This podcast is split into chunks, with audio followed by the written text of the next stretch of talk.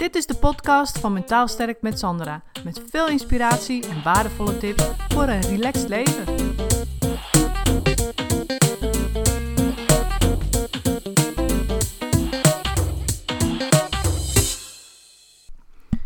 Ik vind het toch wel opvallend hoeveel er uh, de laatste twintig jaar veranderd is met uh, ja, smartphones, mobiele telefoons en WhatsApp en zo. En, want uh, mijn zoon die ging, die is nu op reis naar Engeland met school, een studiereis.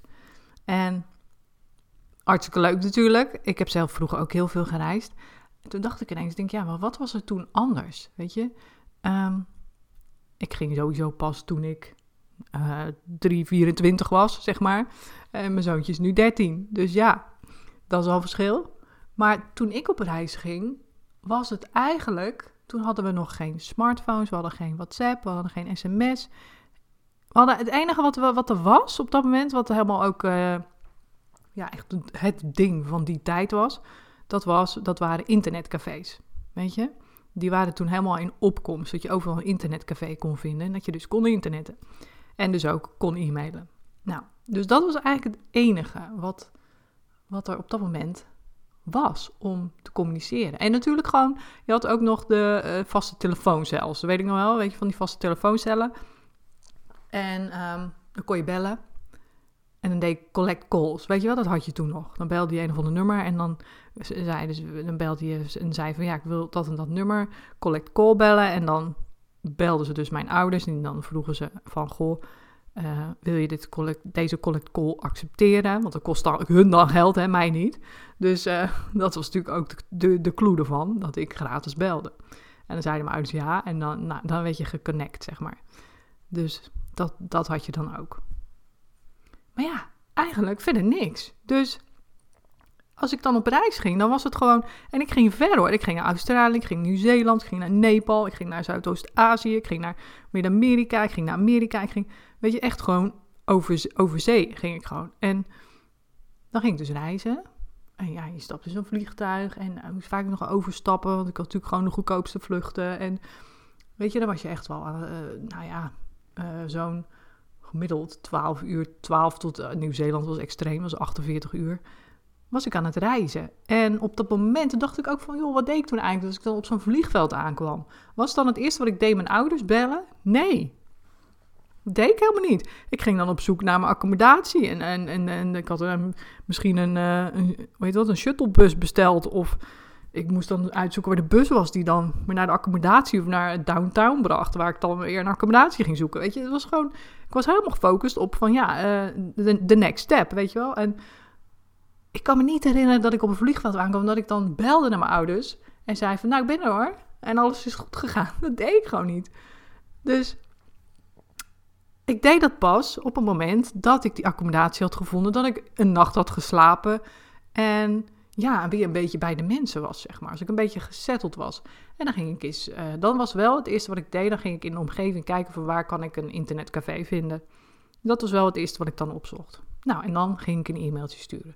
Ja, ik ben daar, ik zit daar en daar, zo, zo. Dit heb ik allemaal meegemaakt onderweg, want ja, er gebeurt natuurlijk altijd veel dingen met overstappen. Je ziet, ja, je maakt gewoon heel veel mee. En uh, weet je, ik heb een keer een hele turbulente vlucht gehad voordat we dan een keer geland waren. En dan moesten we ergens zes uur lang op een ander vliegveld wachten. En dat die storm een beetje was gaan liggen. En toen we eenmaal landen was het, um, ja, uh, overal politie, uh, brandweerwagens, ambulances stonden langs de, weet dat?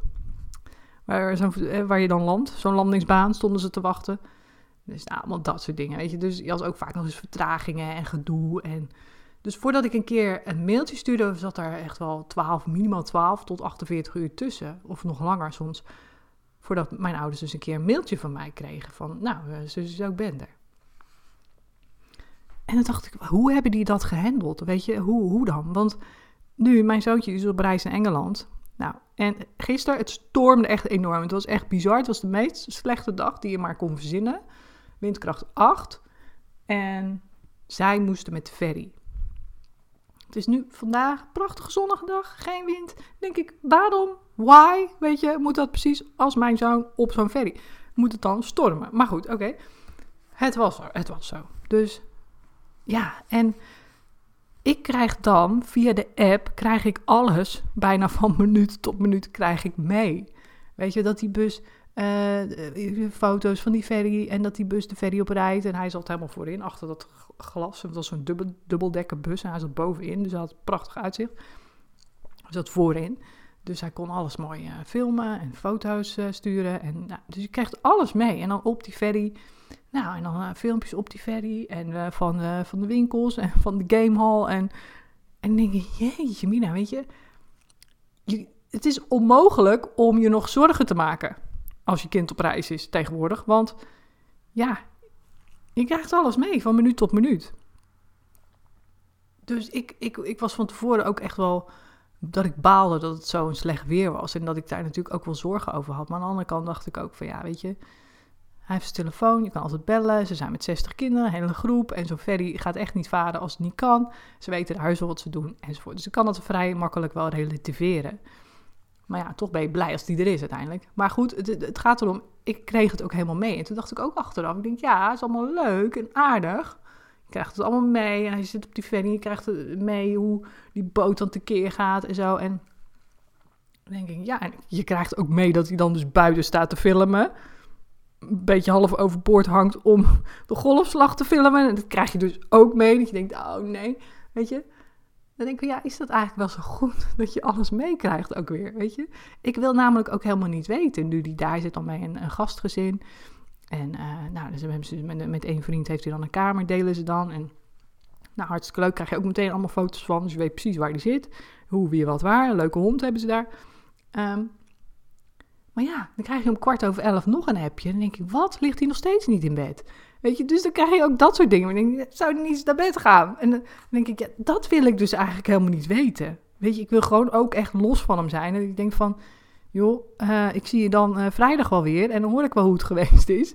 En hoe, hoeveel je niet hebt geslapen. En uh, wat je allemaal aan ongezonde dingen hebt gegeten. In plaats van dat ik dat nu allemaal al meekrijg. Weet je, dat, dat is toch ook weer niet helemaal dat je zegt relaxed of zo, weet je. Dus ik dacht echt van ja, wat is nou beter, weet je. Dat je gewoon niks weet en dat je het maar gewoon afwacht. Of dat je alles meekrijgt, dat je alles weet. En dat je dus ook je daar druk over kan maken op dat moment. Dus ik weet het, ik ben er, ik ben er nog niet uit. Maar ik weet wel dat als ik nu uh, had moeten wachten, bijvoorbeeld 12 uur lang had moeten wachten voordat ik wist of die ferry veilig overgekomen was, ja, dan had ik toch wel twaalf wat zwaardere uren gehad, zeg maar. En mijn ouders moeten dat ook hebben meegemaakt, dat ik in vliegtuigen zat en weet je, in landen kwam en of tussenlandingen had in landen waarvan je zegt van nou, eh, zo snel mogelijk weg daar, weet je. En, ja, en die moesten dat allemaal maar afwachten, niet twaalf uur, maar dan nog langer.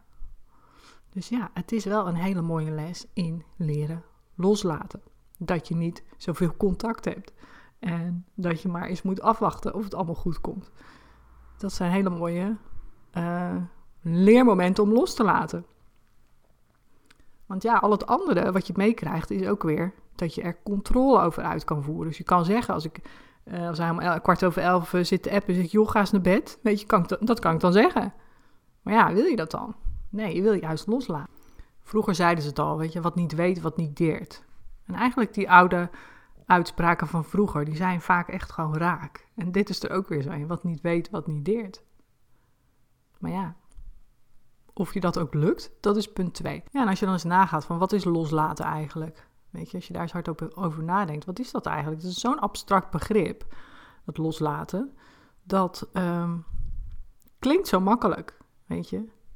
Maar loslaten is eigenlijk een heleboel dingen. En het heeft te maken met focus, het heeft te maken met anders omgaan met je gedachten, het heeft te maken met managen van je verstand, het heeft te maken met in het nu leven, met uh, accepteren en ruimte maken voor moeilijke gevoelens.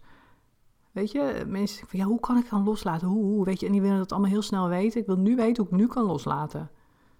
Ja, maar dat is eigenlijk een heel proces. Daar zijn heel veel um, ja, elementen, om het zo maar even te zeggen, heel veel gedragsveranderingen bij betrokken. En Ehm, dat doe je gewoon niet zomaar even. Weet je, lees het overal. Ja, laat het los. En als je dit uh, ja, gewoon even loslaten, als je dat aan de hand hebt, laat het los, joh, laat gaan. Weet je, en heel veel mensen denken, nou ja, als ik het relativeer, dan laat ik het los.